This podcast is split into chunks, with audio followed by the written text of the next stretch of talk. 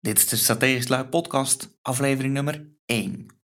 Deze keer heb ik Nanda Noorlander uitgenodigd om eens te gaan, praten over stress, overspannenheid, burn-out en wat voor symptomen erbij horen, eh, welke fases erbij horen, wat gevolgen zijn en vooral ook hoe we het kunnen gaan voorkomen.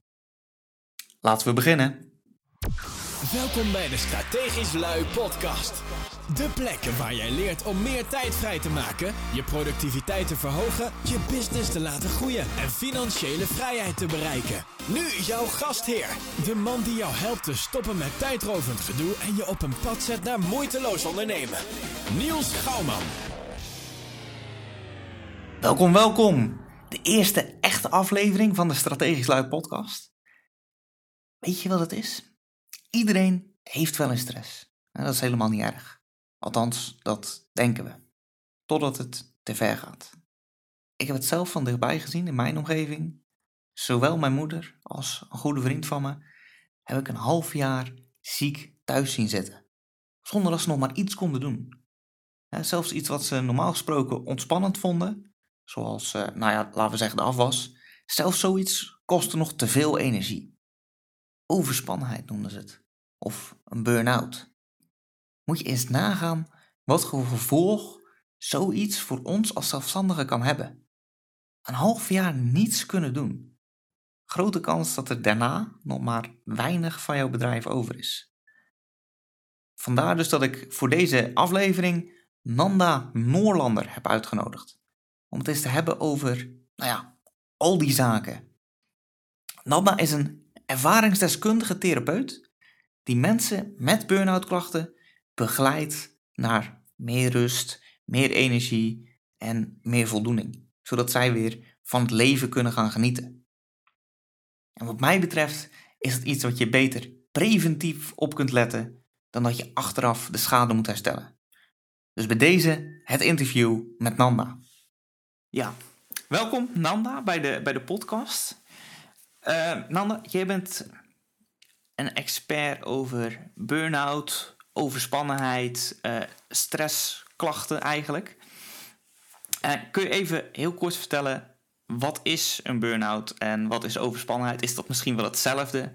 Zodat we met z'n allen op één lijn zitten. Nou, ik wil je eerst even bedanken voor je, voor je uitnodiging. Um, ja, je stelt meteen heel veel vragen in één keer. Uh, stress is in feite aanhoudende geestelijke druk of spanning. En um, overspannenheid en burn-out zijn eigenlijk fases van hetzelfde verhaal, maar dan dus in een vergevorderd staat mensen die dus te lang door blijven lopen met deze klachten. En eh, ja, daar heb je eigenlijk uh, zeven fases in. Um, en het grote nadeel is, uh, stress is vaak ja, lastig te herkennen. Het wordt vaak geleidelijk opgebouwd, waardoor je niet zo door hebt dat je last hebt van stress. En uh, daardoor wordt het ook heel erg onderschat. En niet iedereen heeft dezelfde klachten. Dus, maar de meeste mensen doorlopen toch wel een, uh, een aantal fasen. En elke fase kan dan ongeveer een paar weken of een paar maanden of, uh, of zelfs een paar jaar duren. Oké, okay, dus, dus als ik het goed begrijp, is het belangrijk om die fases te herkennen zodat het niet te veel wordt. Want als het te veel wordt, dan loop je tegen die burn-out aan en dat, dat is niet fijn. Ja, klopt. Um, het is in eerste instantie belangrijk dus om te herkennen in welke fase je zit, zodat je ook dan weet welke mogelijke stappen je eventueel moet gaan nemen. Dus uh, als je het goed vindt, wil ik graag die, die stappen of die fases uh, even, even doornemen. Ja, heel graag, heel graag. Ja. Dan, eh, dan, kunnen we er wat mee natuurlijk. Ja, precies. Oké, nou de eerste fase is stress. He, dat kennen de meeste mensen wel. Je hebt um, situaties waarin je last hebt van stress. En dat is dan ook gewoon afgewisseld met ontspanning.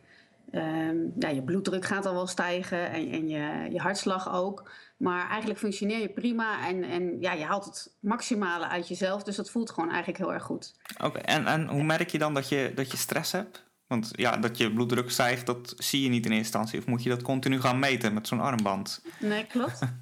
nee, nee. um, nou, kijk, in deze fase is er ook niet zo heel veel aan de hand. Want je, je lichaam herstelt zich dan ook gewoon volledig. Uh, omdat je ook weer fases van ontspanning hebt. Maar als je um, iets te lang doorgaat, ehm, met, met zo'n stresssituatie, dan krijg je subtiele lichamelijke eh, symptomen, zoals bijvoorbeeld uh, lichte hoofdpijn of stemmingswisselingen, ehm, opgejaagd gevoel of je slaapt een keer, misschien een nacht slecht. En ehm, ja, eigenlijk is het onvermijdelijk dat iedereen wel eens een keer in zo'n fase terechtkomt. En ja, nogmaals, wanneer het herstel echt regelmatig is en volledig plaatsvindt, is dit dus eigenlijk helemaal geen probleem. Ja, dus een, een keer een drukke periode, dat, uh, maakt helemaal niet uit. Dat kan iedereen wel tegen. Precies, dat, het lichaam is daarop gebouwd ook om dat automatisch te herstellen. Vervelender wordt als het chronische stress wordt. Uh, dat is dus de tweede fase. De stress neemt dan de overhand en er is te weinig ontspanning en in feite dus te veel inspanning. Uh, de ontspanningsmomenten zijn dan dus te kort om zeg maar, dat volledige herstel te hebben. En vaak heb je dan niet door dat je in een patroon zit en dus last hebt van chronische stress, omdat alles ja, lijkt eigenlijk nog wel redelijk te lopen. Dus je, loopt niet echt tegen een probleem aan. Ook deze fase kan uh, ja, enkele maanden of, of jaren aanhouden zonder dat je overspannen raakt. En dit hangt ook heel erg af van je uh, lichamelijke en de geestelijke reserves die je hebt. Ja, dus hier begint het uh, verschil te komen van, van persoon tot persoon, van hoe wat kan je daar tegen? Ja, klopt nou ja, van, van de reserves die je hebt en, um, en ook hoe je in elkaar zit, uh, welke patronen je hebt opgebouwd. Dat, dat zijn de verschillen dan, zeg maar. Ja, en wat, wat bedoel je met die patronen die je hebt opgebouwd? Uh, kom ik zo meteen op terug. Ik denk dat het handig is om eerst even de fases uh, verder door te nemen. En dan zal ik daar op het eind nog even uh, op ingaan. Op die manier hou je even die fases mooi in beeld. Oké, okay, ja. Ja, uh, de derde fase is overspannenheid. En dat merk je doordat de energie in je lichaam begint op te raken. De, ja, je, eigenlijk je dagelijkse belastbaarheid neemt af. Hè. Je, je, krijgt minder gedaan. Uh, je moet meer moeite doen om, om dezelfde dingen te doen die je normaal eigenlijk ook doet. En ook om ze uit te voeren zoals je gewend bent. Ehm, ook lichamelijke klachten nemen toe. Je kunt bijvoorbeeld last krijgen van concentratieproblemen of uh, angst- en paniekklachten. of ehm, ehm, dat je neerslachtig wordt of opgejaagd gevoel hebt of verwardheid, piekeren. Maar ook lichamelijke symptomen kun je krijgen, zoals vermoeidheid, slapeloosheid, gevoel van uitputting, spierpijnen, veel pijn, bijvoorbeeld ook uh, in nek en schouders, hele bekende. Hoofdpijn, maar ook darmproblemen. En dat is dan ook echt zo'n symptoom waarvan ja, mensen dat niet snel associëren met stress. Uh, maar je kan bijvoorbeeld ook koud krijgen. Dus dat zijn uh, vaak ook het nadeel van de stressklachten. Sommige klachten zijn uh, ja, niet logisch dat ze met stress te maken hebben, waardoor mensen het snel denken van nou, hè, er is iets anders aan de hand. Ja, dat is wel lastig natuurlijk, hè? want stress, als ik, het, als ik het goed heb begrepen, stress dat zit eigenlijk, uh, heeft het effect op praktisch alles wat wij uh, doen en zijn. Klopt. Dus dat, uh, ja, dan snap ik ook dat heel veel mensen die, die hebben het dan niet in de gaten dat ze stress hebben, want het heeft overal invloed op en dat houdt aan. Dus dan op een gegeven moment heb je zoiets van, hé, hey, dit is normaal. Maar dan mm -hmm. voor je het weet kom je al in fase 2 en 3 terecht. Ja, nou ja, deze fase, dus die fase 3, is, is dus ook een heel belangrijk moment in het proces. Want ja, als je op dit moment ingrijpt, kan je dus eigenlijk ja, veel ellende voorkomen. En zorgt het ervoor dat je in die andere fases helemaal niet terechtkomt. En dan is het dus belangrijk dat je inderdaad die stress aanpakt. En uh, ja, voor sommige mensen kan het ook nodig zijn om tijdelijk minder te werken. Om te zorgen dat ze echt kunnen herstellen. En uh, dat ze inderdaad die patronen uh, die stress veroorzaken doorgronden en aanpakken. En um, ja, dit, dit kan je ook vaak niet alleen. En dat, dat is vaak ook lastig, um, omdat je. Uh, ja, de reden waarom je hierin terechtkomt, daar heb je een soort blinde vlek voor. Daarom heb je echt iemand anders nodig om hier uit te komen. Ja, even iemand anders met een, een perspectief uh, wat volledig buiten jouw leven staat. Die met een frisse blik kan kijken naar van hé, hey, wat, wat ben je nou eigenlijk aan het doen? Ja, ja. nou ja, bij voorkeur natuurlijk een deskundige zoals ik. Maar uh, kijk, de buurman die kan weer hele andere adviezen geven dan, uh, dan, dan dat in deze fase handig is. Dus dat is inderdaad goed dat je daarop wijst. Want het is dan handig dat het een deskundige iemand is. En het, het, verschil met een burn-out is dat um, als je overspannen bent, dan is het herstel hè, van, die overspannenheid is met de nodige rust eigenlijk best wel zeer snel te doen. Maar als je dus eh, de stress niet herkent en, je denkt, uh, nou ja, het zal weer vanzelf overgaan. Of wat sommige mensen denken van, nou, ik doe even een weekje vakantie en dan is het wel weer over. En er wordt verder niks um, qua patronen veranderd. Dan is inderdaad zo'n burn-out onvermijdelijk. Oké, okay, dus dat, dat, is de volgende fase. Een burn-out is ja. eigenlijk, ja, dan wordt het nog iets erger dan bij overspannenheid. Ja, bij een burn-out fase, dat is dus de vierde. Um, ja, dat is een beetje, een beetje met humor uh, bedoeld. Die is voorbehouden aan de echte doorzetters. Mensen zijn overspannen geweest, maar hebben blijkbaar nog niet voldoende geleerd. Ze hebben eigenlijk alle lichamelijke en psychische symptomen maanden of, of ja, zelfs jaren genegeerd. Het lichaam is dan geestelijk en lichamelijk gewoon echt uitgeput tot op celniveau. Niveau. En um, ja, dan heb je ook eigenlijk geen keuze meer, want je, je lichaam en je geest ja, die functioneren gewoon niet meer.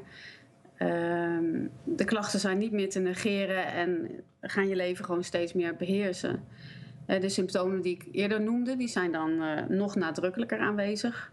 En vaak zorgen één of meerdere van de, van de volgende hoofdsymptomen ook voor dat uh, functioneren gewoon niet meer mogelijk is. En dan heb ik het over angst- en panieknachten, of een extreem gevoel van uitputting, uh, depressie, maar ook een extreem gevoel voor prikkels. En um, ja, ondanks dat er dan eigenlijk al zo'n hele aanloop is geweest, hè, van die net al beschreven in die vorige fases, komt deze fase voor heel veel mensen toch heel erg onverwacht. Voor hun gevoel kunnen ze zeg maar op de ene dag, uh, op de van de ene op de andere dag niets meer. En um, ja, het, kan zelfs zo extreem zijn dat mensen gewoon echt verward zijn. Dat ze gewoon niet meer, uh, niet meer thuiskomen of, of uh, ja, letterlijk instorten. Er zijn mensen die denken dat ze een hartaanval hebben en die hebben dan een burn-out. Ja, want wat, ja, wat er dan gebeurt is, mensen hebben natuurlijk al zo lang uh, die subtiele signalen die het lichaam uh, heeft aangegeven genegeerd. En um, ja, in feite zegt het lichaam dan van ja, nu, nu greep ik zelf in.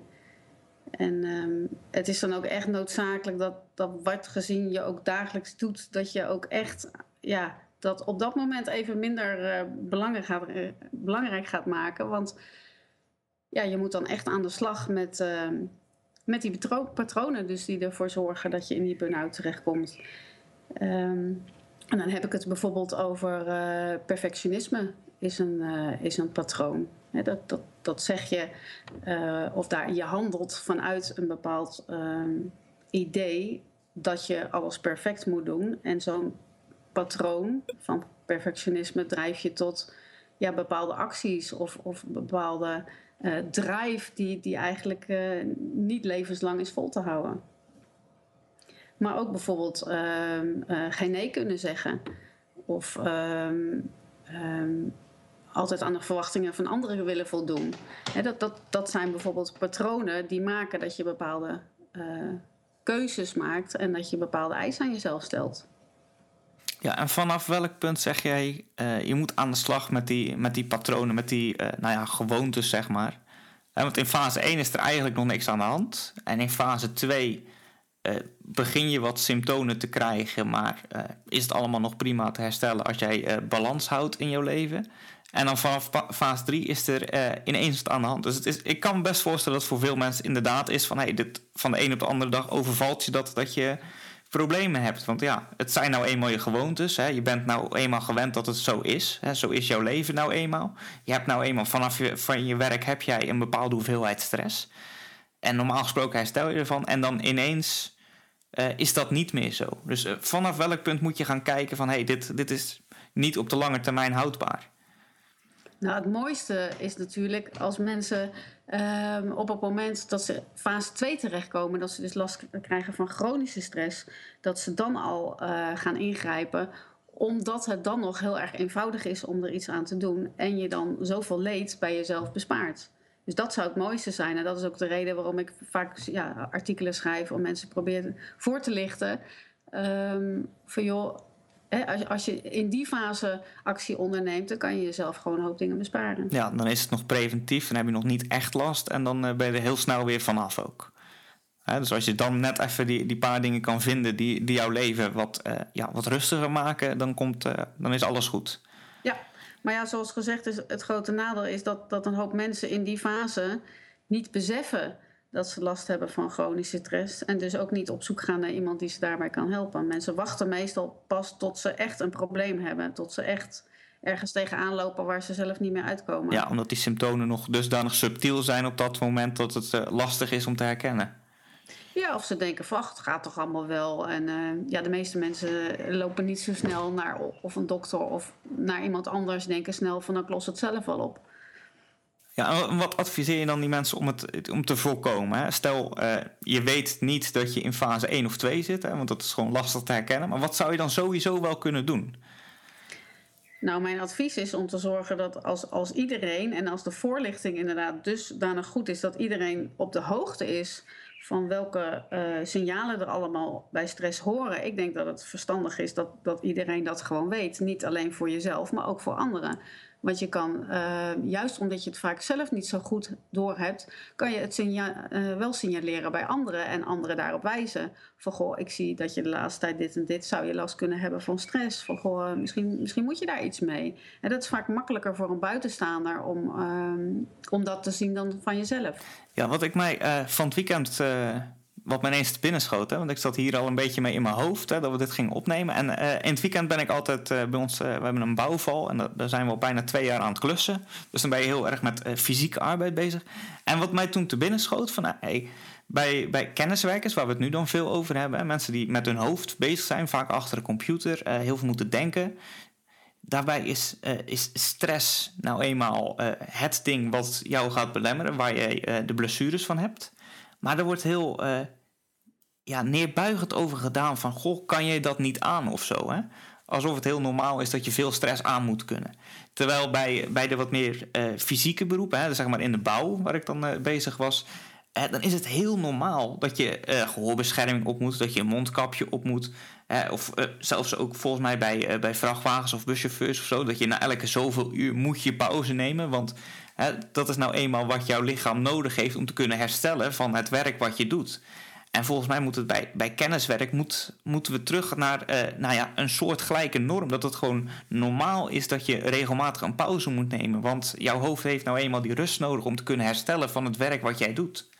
Ja, ja, ben ik met je eens. Ik denk dat het grotendeels te maken heeft met het feit dat er gewoon een taboe heerst op geestelijke klachten, zoals men stress dan noemt. En uh, kijk, als je gebroken benen hebt, dan is voor iedereen zichtbaar uh, wat er aan de hand is en wat er dan moet gebeuren. Dat, daar, daar zal niemand een discussie over hebben. Maar als je last van stress hebt, oeh, dat is dan toch wel iets waar je je voor moet schamen of zo. Weet je wel, op een of andere manier heerst dat uh, begrip. En dat, ja, dat is natuurlijk heel jammer, want dat, dat zorgt er juist voor, net wat je zegt, dat mensen niet durven aan te geven van goh. Uh, ik heb even een pauze nodig. Um, ja, ik werk dan ook vanuit, vanuit huis, dus dat is ideaal. Als ik soms een dag heb dat ik wat langer uh, achter de computer bezig ben, dan uh, zo af en toe dan zet ik even de radio keihard en dan ga ik even dansen en dan vervolgens ga ik weer verder.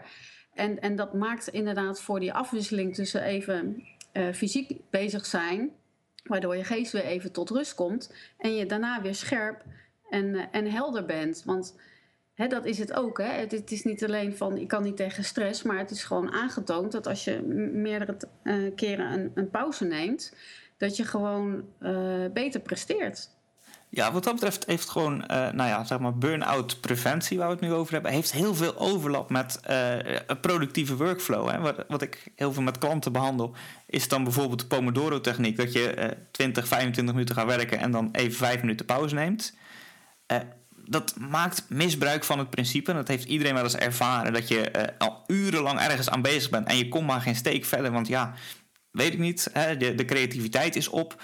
En als je dan even iets anders bent gaan doen, hè, je hebt even lunchpauze gehad of zo, en je komt terug op je werkplek en je hebt ineens heb je de ingeving van, oh ja, zo moest ik dat oplossen. En uh, dat, het is eigenlijk gewoon uh, hetzelfde principe. Alleen ga je het nu uh, managen en je gaat zelf zorgen dat je regelmatig die pauze hebt, zodat je vaker die slimme ingeving hebt. En dat komt er alleen maar op neer van je moet pauze blijven nemen, want je hoofd heeft af en toe even wat rust nodig.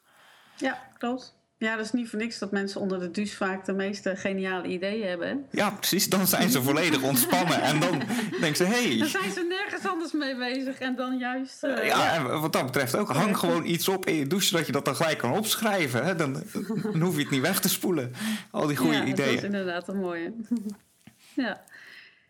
Um, ik wou nog even doorgaan met de fases, want, want helaas denken veel mensen uh, bij de burn-out fase dat dat de laatste fase is, maar dat is helaas niet zo. Het, het wordt nog erger. Um, uh, nou ja, dat hangt er vanaf wat je, wat je ermee gedaan hebt. Um, want de meeste mensen herstellen namelijk gewoon van een burn-out en komen daar inderdaad uh, sterker en wijzer uit.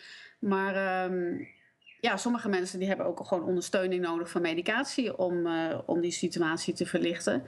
En um, dat is trouwens ook wel een valkuil, omdat medicatie niets uh, oplost, maar wel tijdelijk ondersteuning kan bieden, ja, zodat dat, je uh, aan de slag kan gaan met het oplossen. Ja, dat onderdrukt een beetje symptomen, maar voor de rest. Precies. Uh, ja, maar het kan je wel net uit een dip helpen om, om de weg naar boven weer te vinden. Ja, het kan het setje geven wat je nodig Juist. hebt, zodat je weer genoeg kracht hebt om met die patronen aan de slag te gaan, zodat je het voortaan Juist. echt oplost. Ja. Juist, dat is inderdaad heel belangrijk. De vijfde fase is dan dus ook de reïntegratie na de burn-out. He, de mensen zijn dan uh, van de schrik bekomen van de burn-out. En uh, nou ja, in hun ogen hebben ze de gedwongen rust gehad. En uh, meestal hebben ze dan een gevoel van opluchting. Um, ze gaan enthousiast weer aan de slag. En uh, ze zijn blij dat het allemaal weer voorbij is. Uh, maar de grootste valkuil is dan dat, dat de energie die ze weer opgebouwd hebben... dat ze die ook met bakken weer uitgeven... En uh, ja, als je dan dus niet voldoende geleerd hebt, dan uh, kun je helaas in fase 6 komen, de dubbel burn-out. Ja, want ik wou net zeggen, 5 is natuurlijk een hele risicovolle fase. Hè? Want je hebt natuurlijk uh, die burn-out gehad en dat is heel zwaar, heel moeilijk. En dan kan je best wel een paar maanden lang meestal, kan je echt helemaal niks. Hoe ontspannend je dat normaal gesproken ook vindt, die energie heb je gewoon niet. En dan ben je eindelijk hersteld en dan wil je weer beginnen. En dan heb je dus het risico van dat je er gelijk weer met volle moed begint, terwijl je juist rustig aan moet opbouwen, denk ik. Nou ja, als je, als je inderdaad de patronen goed genoeg hebt aangepakt, dan hoef je daar op zich niet zo bang voor te zijn. En als je uh, goed geleerd hebt van goh, hè, weer met je energie om te gaan. En dat je zorgt dat je niet meer energie uh, uitgeeft als dat er. Uh, uh, als dat je oplaadt, eigenlijk net als met geld zit ik niet te maar eigenlijk kan je het daar wel een beetje mee uh, vergelijken. Dus de energiebalans en de geldbalans lijken wel een beetje op elkaar. Uh, maar het belangrijkste is dat je inderdaad blijft opbouwen, energie blijft opbouwen. En dat je niet terugvalt in je oude patronen. Ja, het is, het is belangrijk in jouw uh, burn-out ook echt dat je daadwerkelijk die patronen aanpast. Want anders uh, val je weer terug in hetzelfde systeem en dan is het gewoon een kwestie van aftellen voordat je je nieuwe burn-out hebt. Precies, dat is ook de reden waarom mensen die denken: ach, ik neem wel een weekje vakantie. Uh, dat lost niks op. Nee, want dan kom je terug met 500 nieuwe mailtjes die je allemaal moet behandelen. En dan zit je weer precies hetzelfde. Ja, je gaat zo weer verder. Ja, precies. Ja, nou maar in deze fase, dus die, die fase 6 dan, die dubbel burn-out, komt ook nog eens een keer de grote teleurstelling en um, het idee van komt het ooit nog goed? Mensen gaan zich dan wel echt heel erg zorgen maken. En um, ja, ik, tegen de mensen die in die fase zitten zou ik dan ook zeggen van, ja, blijkbaar heb je nog niet um, voldoende geleerd om, uh, om de juiste, uh, juiste keuzes te maken in je leven. Hè, waardoor je weer in deze periode terechtkomt. Dus het is dan echt belangrijk dat je leert prioriteiten stellen en uh, gaat kijken van wat is nou echt belangrijk. En uh, nou ja, zorg dat je wel uh, die patronen aanpakt. En ook in deze fase kan het soms noodzakelijk zijn dat mensen medicatie gebruiken. Ja, gewoon om weer uh, genoeg kracht te hebben om echt de echte oplossing aan te kunnen. Ja, ja, want die echte oplossing die komt dan, als ik het goed begrijp, veel uit uh, heel veel keuzes maken volgens mij. Ook echt sterk staan van hé, dat wel, dat niet.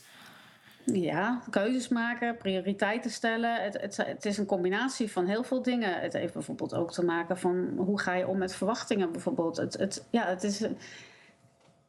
Ja, het is niet één ding. Het, het zijn een aantal factoren die, die meespelen. En de een zal meer hiervan hebben en de ander zal meer daarvan hebben. En um, maar over het algemeen hebben de meeste mensen die in deze uh, problematiek terechtkomen. In ieder geval het perfectionisme gemeen en dat ze het lastig vinden om, om grenzen aan te geven.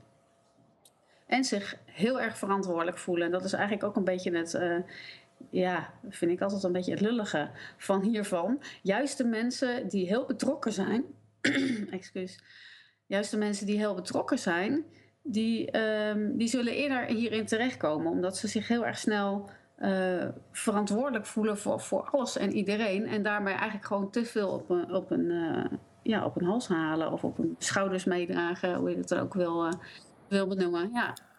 Ja, waarvan er ook heel veel dingen zijn waar ze zelf helemaal geen eens invloed op hebben. Precies. Dus dat, ja. dat levert nog veel meer stress op. Ja, maar goed, dat zijn dan een aantal voorbeelden van die patronen waar ik het dan eerder over had. En ja, als het goed is, komen de mensen dan inderdaad in fase 7 terecht. Uh, de, de, het echte herstel van de burn-out. Um, ja, mensen die, die langzaam maar zeker dus weer, weer de controle over zichzelf krijgen. En uh, die, die leidt naar het, naar het echte uiteindelijke herstel. En uh, ja, die weten wat ze, wat ze kunnen doen en op welke symptomen ze moeten letten om te voorkomen dat ze dus uh, een, een triple burn-out krijgen. Want sommige mensen hebben dat ook. Maar uh, laten we het vooral positief benaderen. Ja, want waar het eigenlijk op neerkomt is natuurlijk, zolang jij de echte oorzaak niet aanpakt, hoe moeilijk dat ook is, uh, blijf je continu in hetzelfde patroontje. Dus blijf jij uh, je symptomen hebben en kom je weer in een burn-out. Of misschien net niet, maar je blijft in ieder geval in symptomen. Die ook al niet prettig zijn. Dus die moet je echt aanpakken. Anders, ja, je blijft in een, in een visuele cirkel volgens mij. Klopt, ja. En ja, wat ik ook heel opvallend vind is dat, dat uh, de meeste mensen die ik begeleid, die ja, die zie je toch op een gegeven moment keuzes maken die, die zelfs ik op dat moment niet verwacht dat ze kiezen voor een andere baan of, of toch een andere levenswijze. En, en ja, dat, dat is dan blijkbaar ook wat ze nodig hadden, onbewust. Maar ja, soms kan het gewoon heel lastig zijn om dat soort stappen te zetten. Ja, dat verschilt ook per situatie, neem ik aan. Sommige mensen bij, bij een klein paar kleine aanpassingen, dat ze al heel goed uh, weer een goede levensstijl hebben. Dat ze gewoon heel de leven vol kunnen houden op die manier. En voor sommige mensen moet echt uh, ja, rigoureus het wiel om en moeten ze inderdaad uh, ander werk gaan zoeken of iets. Ja. Nou ja, weet je wat het ook is? En dat is ook het, het, het, het, rare van die patronen. Die patronen die ontstaan in je kindertijd. En als kind heb je natuurlijk een, een kinderlijke denkwijze. Trek je conclusies uit situaties die soms niet eens waar hoeven te zijn. En, en daar zijn die patronen op gebaseerd die, die je de rest van je leven meedraagt. Dus je kun je misschien voorstellen dat daar, dat daar dingen in zitten die niet kloppen, waar, ja, waardoor je dus altijd op een bepaalde manier iets blijft doen, omdat, je, omdat het je vroeger hielp. Maar dat wil niet altijd zeggen dat het je als volwassene ook helpt. Ik vind het altijd een heel leuk voorbeeld om te zeggen van. Um, Kijk, als je drie jaar bent en je bent met je ouders uh, in de supermarkt aan het winkelen en je wil graag een zak snoep, dan kan het soms gaan helpen om op de grond te gaan liggen gillen. en, uh, en dan krijg je misschien dat zak snoep. Maar als je dat als volwassene doet, dan, uh, ja, dan, dan, krijg je de kans dat je snel opgenomen wordt en in een gesticht belandt of zo. Snap je? Dat is, dat is een leuk voorbeeld van, van wat op jongere leeftijd kan werken. Wil niet altijd zeggen dat dat op later. Dat is natuurlijk een heel extreem voorbeeld, maar vaak maakt het wel iets duidelijk. Ja, maar zoals met, met veel dingen denk ik van ja, je moet je nou eenmaal continu blijven ontwikkelen. En dit is een extreem voorbeeld, maar zo zijn er heel veel dingen die jij inderdaad nog uh, van vroeger hebt, die niet meer uh, relevant zijn op die manier. En uh, ja, probeer die te zien en probeer daar dingen aan te veranderen. Blijf dat continu bijstellen, zodat het ja, wel houdbaar is. Ja, klopt. want wat volgens mij heel veel is, kijk, de mensen die hier naar luisteren zijn zelfstandige professionals, die zijn eigenlijk uh, staan ze overal redelijk zelf voor, hè, in hun eentje. En als je dan in zo'n burn-out terechtkomt, uh, wat heeft dat gevolg voor, uh, nou ja, sowieso voor jou is het gewoon niet fijn om in die situatie te zitten. Maar waar je ook vanuit kan gaan, is als jij een half jaar ziek thuis komt te zitten, heb je niet genoeg energie om überhaupt iets te doen. heel grote kans dat je je bedrijf dan ook wel kan afschrijven. waarschijnlijk kan je jezelf failliet verklaren, zowel zakelijk als privé. Dus ja, zorg dat je er op tijd bij bent. Dat je die dingen continu in de gaten houdt. En stel bij waar nodig. Ja, nou, dan noem je ook nog niet eens het feit dat veel uh, zelfstandige ondernemers uh, En niet verzekerd zijn voor dit soort dingen. Ja, komt er ook nog bij. Ja. Dus des te meer reden om in een vroeg stadium uh, aan de bel te trekken, zodat je gewoon, hè, naast, naast dat je gewoon je werk doet, dit soort dingen kan aanpakken. En uh, ja, dan hoeft het allemaal niet zo, uh, zo ver uit de hand te lopen. Ja, dus fase 1 maakt niet uit, kan iedereen tegen, hoort erbij. Maar fase 2, dat, dat is wat dat betreft denk ik wel de belangrijkste. Hè? Dan begin je ja. symptomen te merken. En, Chronische stress, ja. Ja, en als je, als je die herkent en als je het op dat moment aanpakt, dan, dan, is er, ja, dan blijft het allemaal goed gaan.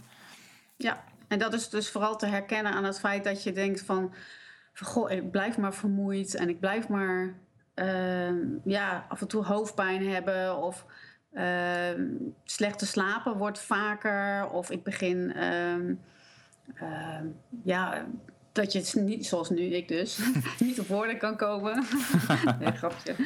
Of dat je je opgejaagd voelt of, uh, of verward. Je gaat meer piekeren. Dat zijn echte dingen. Je kan je slecht concentreren. Ja, dat, daar, daar kan je dat goed aan uh, herkennen. Ja, dus eigenlijk de, de gewoonte, als ik hem goed begrijp, hè, dat is de gewoonte die je moet aanleren om uh, heel je leven gewoon probleemloos te kunnen blijven werken en te doen waar je zin in hebt.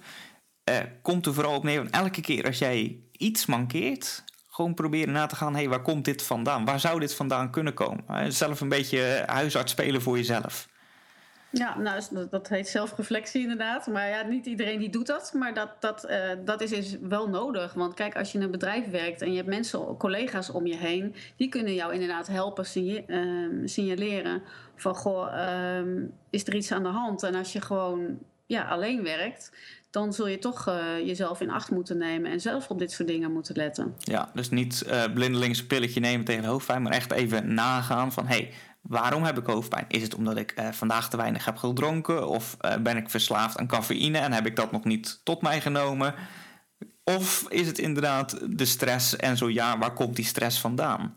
Ja, klopt ben ik helemaal met je eens. Dat aspirintje, dat, uh, uh, ja, dat is niet de bedoeling. Uh, dan onderdruk je iets wat, terwijl je niet afvraagt van, van wat, wat is er eigenlijk aan de hand. Hoofdpijn is nooit iets op zichzelf staand. Hè. Het is altijd een signaal van. Dus kijk, als je eens een keer hoofdpijn hebt, hoef je echt niet te denken van ook meteen stress. Maar als dat vaker gebeurt en het gaat niet over en, en je gaat meer van dit soort uh, dingen zoals ik die benoemd heb herkennen, dan is het wel degelijk uh, verstandig om aan de bel te trekken. Ja. Dus als je regelmatig hoofdpijn hebt en elke keer een pilletje neemt, hè, of je kan elke keer niet slapen en je denkt, nou, hè, ik neem wel zo'n, uh, hoe heet zo'n ding, zo'n melatonine-pil, ja, dat komt allemaal goed, dan slaap ik wel weer. Dat is eigenlijk dus het, het onderdrukken van het probleem. Van de symptomen, die, ja, van die, die, de symptomen, zeg maar, die indiceren dat, indiceren dat het om stress gaat, die, die ga je dan ja, verdoezelen, zeg maar. Waardoor je voor jezelf niet meer helder hebt uh, hoe het geheel in elkaar zit. Omdat je het per symptoom, zeg maar, gaat bekijken. Ja, ja ik, ik denk dat uh, we mensen best wel geïnformeerd hebben nu al. Hè, over burn-out en over wanneer je moet gaan kijken voor preventie. En wat je dan eventueel zou kunnen gaan doen. Oké, heb jij voor mensen een soort uh, ja, ideale workflow van... hey, als je op die manier werkt... Dan kan je het heel je leven volhouden. Dus zelfs als ze geen symptomen nu hebben, dat ze zeggen van oké, ik wil niet mijn symptomen afwachten voordat ik hier wat aan ga doen. Uh, is ik wil gewoon een, een goede basis hebben van hey, als ik op die manier werk, komt alles goed. Ja, nou er zijn een aantal factoren die daarin belangrijk zijn. En um, eentje is, hè, zoals jij in feite ook al aangaf, werken in blokken is heel verstandig. Dus dat je bijvoorbeeld je tijd zo inricht dat je bepaalde werkzaamheden uh, een bepaalde hoeveelheid tijd doet. Bijvoorbeeld, uh, nou, jij, jij, geeft aan iets korter dan ik. Ik zou zeggen twee uur, een blok van twee uur pakken, waarbij je bijvoorbeeld denkwerk doet, dingen die je moet bedenken. En dan dat je daarna een blok doet waarbij je meer uitvoerend bezig bent. Dat zijn bijvoorbeeld manieren waarop je zorgt dat je dagelijks gezien een betere verdeling hebt tussen um, ja, denkwerk en uitvoerend werk. En dan krijgt je geest ook al een, vorm van rust, omdat je uitvoerend vraagt niet zoveel van je denkwerk. Uh, daarnaast is het gewoon het, het, echt een pauze nemen zeg maar, tussen de middag. Dat is ook een valkuil. Uh, dat veel mensen snel geneigd zijn over te slaan. Dat ze denken, ja, maar dat half uurtje kan ik nog net even uh, wat doen er is gewoon aangetoond dat als je een half uur pauze neemt tussen de middag, dat je dan veel productiever bent in die tijd die je wel werkt, dan als je dat half uur bij je werktijd trekt. Ja, ja. Dus dat, dat is dan ook al een, eh, een tip. Ehm, daarnaast is het eh, ook buiten je werk belangrijk dat je kijkt van goh, hoe, hoe, deel ik mijn dagen in. Er zijn ook mensen die zeggen van ja, ik ga s'avonds nog weer uh, aan mijn e-mail zitten of ik ga s'avonds um, nou, vast mijn werk voor morgen voorbereiden. Uh, voor de een kan dat heel goed werken, maar er zijn ook veel mensen die eigenlijk wel voelen van ja, ik, hiermee belast ik mijzelf te veel. Hè. Er moet een balans zijn tussen inspanning en ontspanning momenten dat je gewoon helemaal niets hoeft. En wat voor de een ja, ontspanning is, dat hoeft het voor de ander niet te zijn. Maar zoek naar, zoek naar manieren waar jij je echt prettig bij voelt. Dat is heel belangrijk. En wat ook heel belangrijk is, is dat je plezier hebt in het werk wat je doet. Dat je uh, niet onder je kunnen werkt, maar ook niet boven je kunnen dat, dat zijn ook factoren die maken dat je, uh, dat je het werk uh, ja, je hele leven volhoudt. En je werkplezier is ook enorm belangrijk. Ja, ja. ja dus wat dat betreft, ik zei het al, het is een, uh, een mooie overlap met, met wat ik vaak aan mijn cursisten leer. Met, ik heb bijvoorbeeld in de Strategische Academy hebben we de module Simpel Productief. En daar heb ik het inderdaad over van, hey, werk 25 minuten, dan neem je 5 minuten pauze. En ga die 5 minuten, ga dan ook echt fysiek iets anders doen. Hè? Als je normaal gesproken heel dag achter je bureau zit, achter je computer, eh, ga dan eens gewoon nou, een rondje lopen buiten of zo.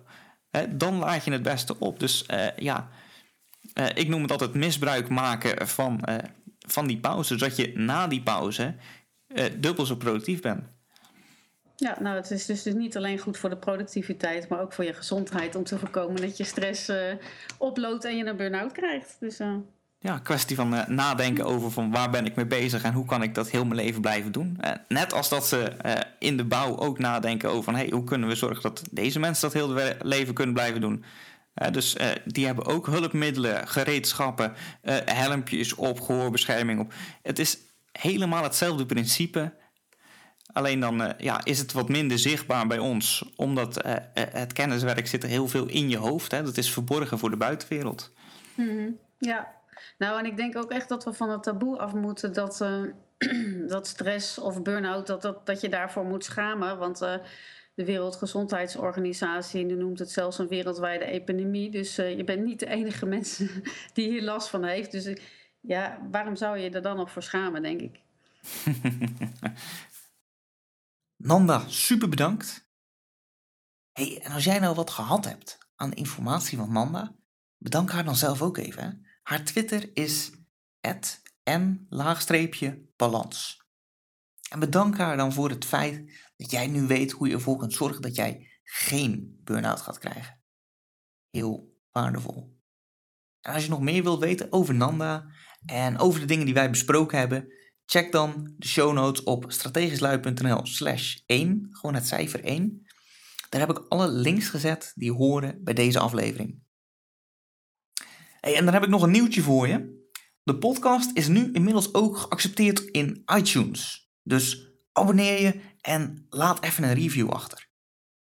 En omdat dit nou de lanceerperiode is en reviews mij enorm helpen om hoog in iTunes te staan, heb besloten dat ik een aantal prijzen zal gaan weggeven. Die prijzen zal ik verloten onder degene die voor 12 juli van dit jaar, 2016, een review hebben achtergelaten op iTunes. En natuurlijk hoop ik dan natuurlijk op uh, eh, 5 sterren reviews met uh, lovende woorden, maar het mag gewoon een eerlijke review zijn. Ik beloof dat ik alle reviews lees. Als je opbouwende kritiek hebt, is dat ook zeker welkom. Om te beginnen geef ik in ieder geval vijf premium jaarabonnementen weg voor de Strategisch Lui Academy. Want ik zei het in het interview met Nanda ook al. Burn-out preventie heeft verschrikkelijk veel overlap met een productieve workflow. En die workflow die leren we je in de Academy bij de module Simpel Productief. Dus laat een review achter om kans te maken op toegang tot de module Simpel Productief. Of, als jij het niet over wilt laten op kans, ga naar strategischlui.nl slash academy en word lid. Nou, dat was hem voor vandaag. Tot morgen. Dan heb ik Hugo Bakker te gast. En gaan we het hebben over hoe je ervoor kunt zorgen dat jij gevraagd wordt.